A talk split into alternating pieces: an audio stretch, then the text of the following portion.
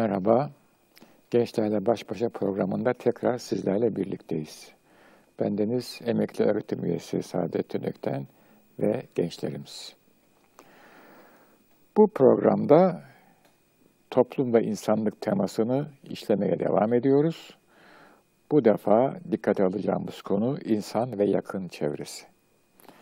İnsan hayata gözlerini açtık, açtığı andan itibaren bir çevre içindedir ve yakın çevresiyle önce uzaktan, sonra daha yakından, sonra daha içten bir irtibat kurar. Yakın çevresini tanır, yakın çevresinden eğitim ve etki alır, sonra yakın çevresiyle dengeye girer ve yakın çevresine bir şeyler katmaya başlar. Belki daha sonraki bir programda insan ve uzak çevresinde ele almak icap edecek ama önce şimdi sizlerle insan ve yakın çevresi arasındaki ilişkiyi gündeme getirmeye çalışacağız. Her toplumun kendine özgü kuralları vardır. Bunlar ahlaki kurallar olduğu gibi örfi kurallar, yaşama pratikleri, selamlaşma, yemek yeme, para kazanma, para sarf etme adabı ve usulleridir. Fert tek başınayken bu kuralların bir kısmından varestedir. Yani onlardan özgürdür, onlara uymak zorunda değildir. Ancak bir toplumun içine girdiği zaman, bir toplumun üyesi olduğu zaman bu kurallara uyarsa, bu kurallarla beraber hayatını sürdürürse orada olumlu bir manzara, bir ahenk görülür, bir ahenk ortaya çıkar. Bunun için pratikte baktığımızda ferdin bir takım özgürlüklerinden feragat ve fedakarlık etmesi gerekiyor. Ama buna karşılık ferde toplumun getirdiği büyük bir katkı vardır. Bu katkıya biz toplumun ürettiği ortak akıl adını verelim. Bu ortak aklın içinde neler var? Bir defa o ferde, o topluma üye olan, mensup olan, müntesip olan ferde intikal eden ciddi manada pratik ve fiziksel faydalar var, maddi faydalar var. Ne gibi? Güven gibi, huzur gibi, selamet gibi ve hatta e, finans kaynağı gibi. Ama bununla kalmıyor iş. Bundan daha önemli olanlar da var. O toplumdan, ortak akıldan ferde düşünce ve duygu intikali olur. Görgü intikali olur. Dolayısıyla ferdi toplumdan bağımsız düşünmek yanlıştır. Bir ferdi davranış biçimiyle, düşünce biçimiyle, hayattaki öncelikleriyle ele aldığımız zaman orada mensup olduğu toplumun, daha doğru söylersek mensup olduğu yakın çevrenin derin izlerini görürüz. Hatta şöyle söyleyelim, belki en yakın çevre aile çevresidir. Türkçe'de çok ifade edici, tanımlayıcı bir tabir var. Aile terbiyesi derler. Ailenin görgüsü, maddi seviyesi, hayata bakışı, derinliği, vüsati, zevki o ailede yetişen ferde intikal eder aynı toplumun hatta aynı şehrin hatta aynı mahallenin insanı olsalar da aileden aileye küçük nüanslarla bir fark ortaya çıkar. Bu farkı görürsünüz. Dolayısıyla bu insan iyi aile terbiyesi almış. Bunun aile terbiyesi biraz noksan gibi ibareler ve ifadeler kullanılır. Demek oluyor ki fert kendi varlığından, kendi beninden fedakarlık ettikçe adeta aile o insanı biçimlendiriyor. Onu ortak aklın ürünü olan bilgiyle, görgüyle ve imkanla. Yine aile bahsine dönersek şurada o burada onu çok net görüyoruz. Ailesinin imkanları iyi olan bir çocuk hayata bir başka kulvardan başlıyor. Ailesinin imkanları mahdut olan bir genç ona göre çok daha geri bir vasattan hayata başlıyor.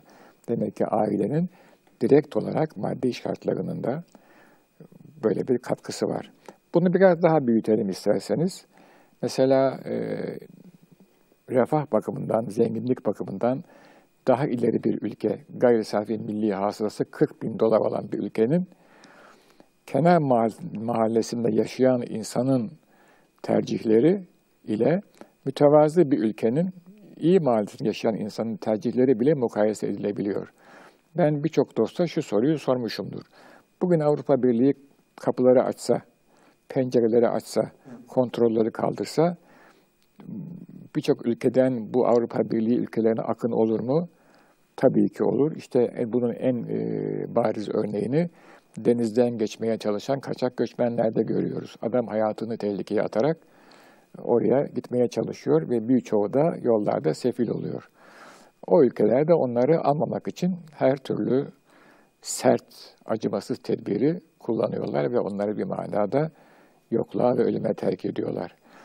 Birazcık daha e, rahat olsa bu geçişler belki ülkemizden de ciddi manada bir göç olacak ki işte 60'lı yılları ben çok iyi yaşadım. Ee, Almanya ve Avrupa ülkeleri e, en düşük işlerde çalıştırmak üzere genç nüfus talep ettiklerinde Türkiye'den oraya ciddi bir akın oldu.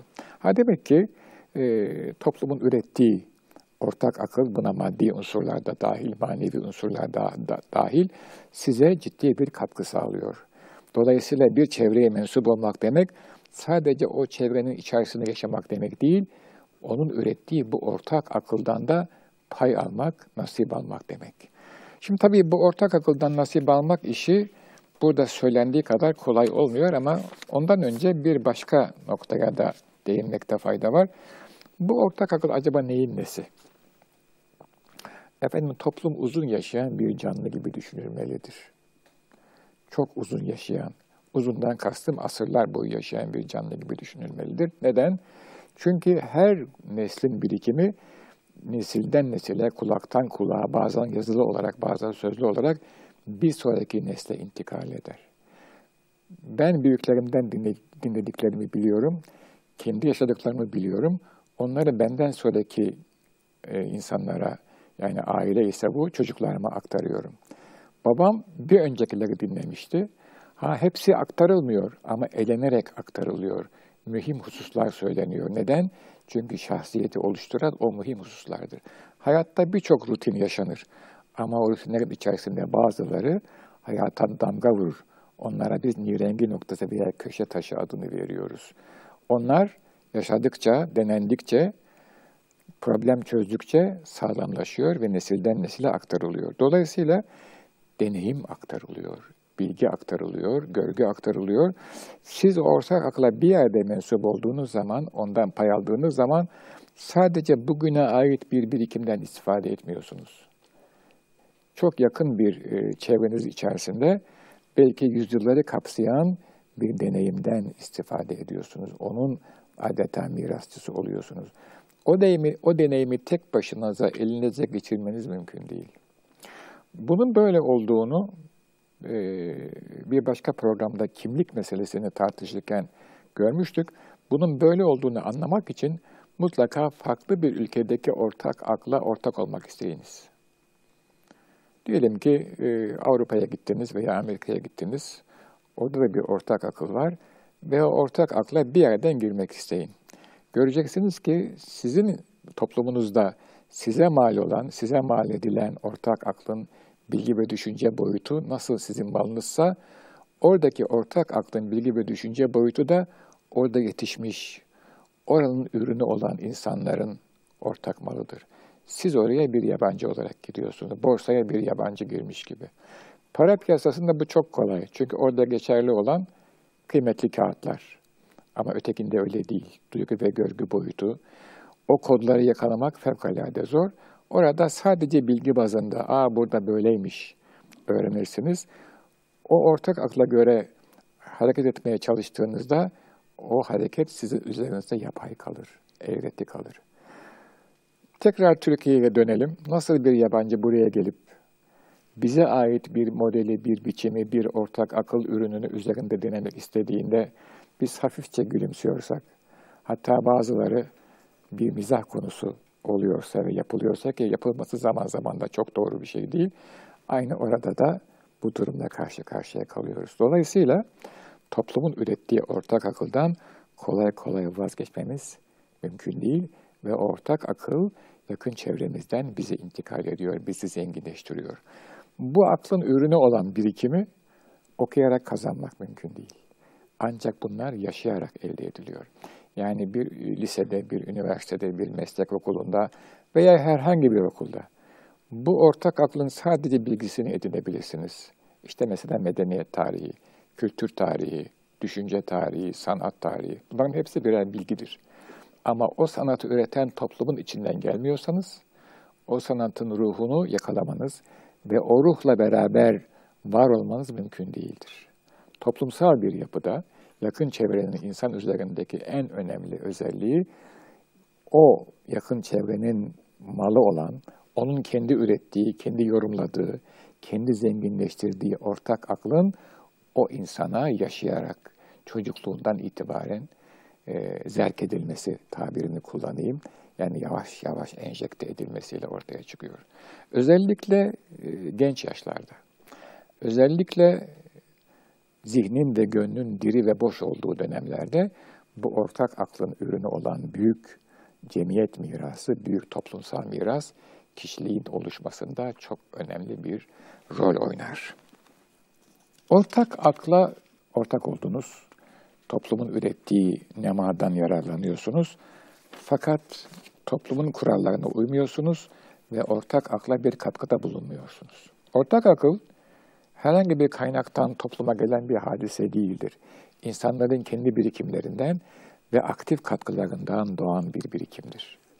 Eğer bir fert o topluma mensup olduğu halde ortak akla aykırı davranıyorsa o toplumsal bir birikimi haksız yere kullanıyor hatta onu kısmen gasp ediyor bu anlama gelir.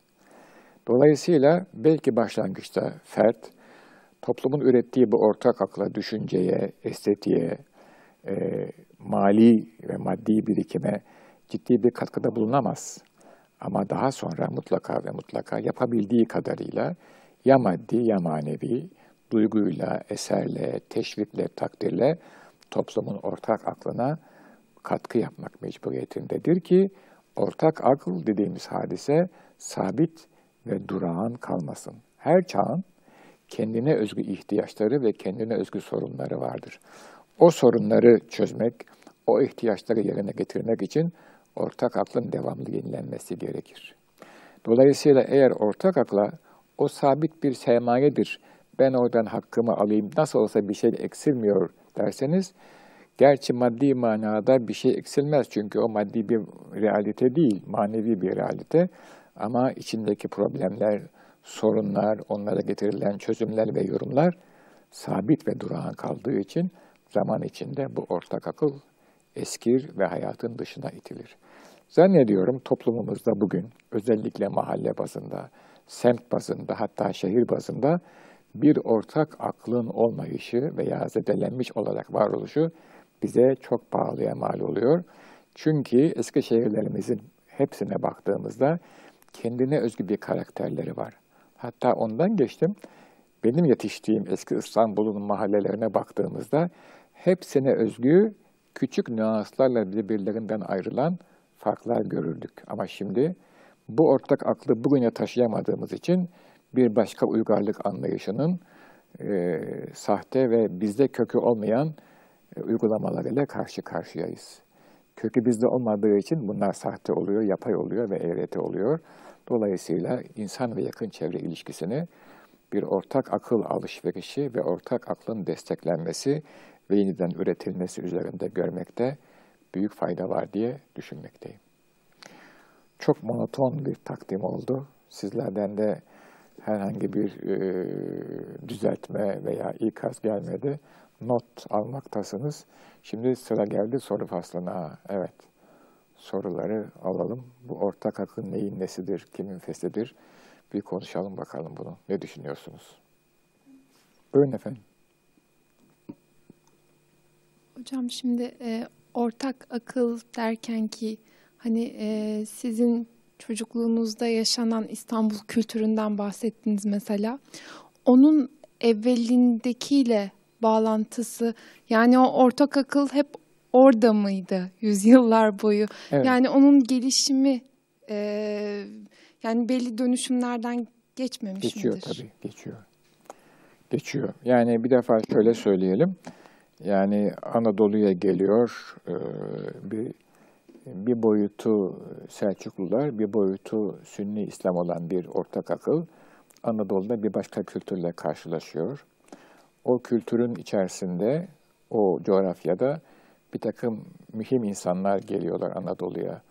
Mesela bir tanesi Hazreti Mevlana, bir tanesi Hacı Bektaş Veli ve devamı Sarı Saltuk devamı geliyor.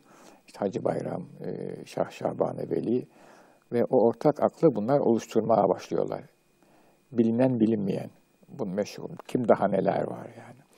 Ve bu tanzimata kadar böyle geliyor. Tanzimatta bizim ortak aklımıza e, bir batı ortak aklı karışıyor. Ama yine benim yetiştiğim İstanbul'da e, bize ait ortak akıl bilhassa tarih yarımada da yani Fatih'te, Eminönü'nde, Aksaray'da, bunu derken ilçe bazında söylemiyorum, semt bazında Cerrahpaşa'da ortak aklın mekana yansıyan, insanlara yansıyan boyutları vardı.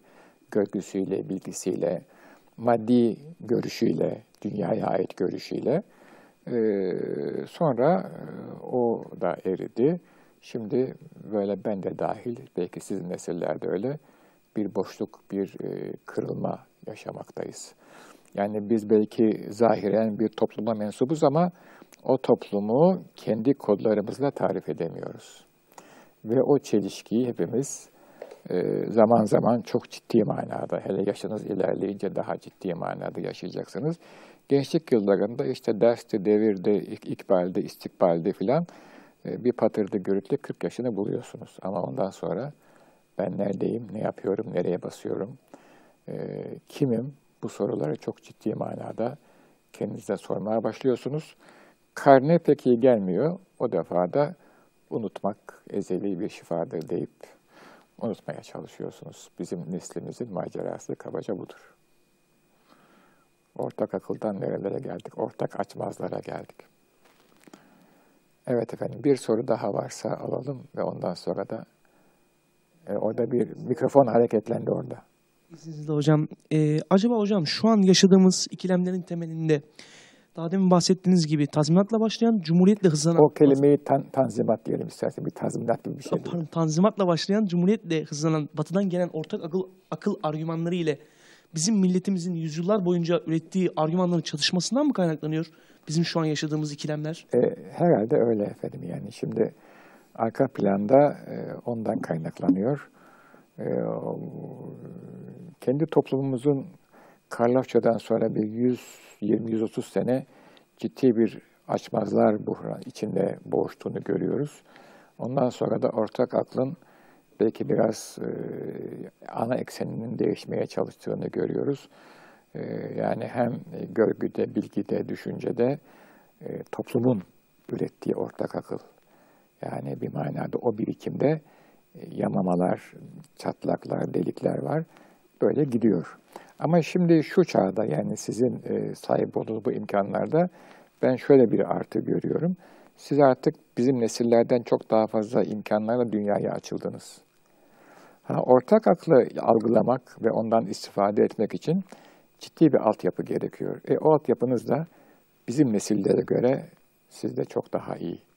Dolayısıyla yani bu kimlik sorununda hanımefendinin sorduğu o soruda ciddi bir cevaba, e, ciddi ve cesur. Çünkü biz çok kez kendimize karşı da cesur değiliz. Cevaba e, vasıl olabilmek için e, o donanıma sahip olmak gerekiyor. Ve belki 40 yaşından sonra da daha cesur bir şekilde yani hani hançeri kendimize de batırabiliriz. Batırmamız lazım. Ne kadar acı olursa olsun cevap, reel bir cevap bulmamız lazım. Efendim bu arada da e, zaman itibariyle programın sonuna gelmiş bulunuyoruz. Veda etmeden evvel saygı, sevgi ve muhabbetle aziz seyircilerimizi selamlıyorum efendim. Allah'a ısmarladık. Müzik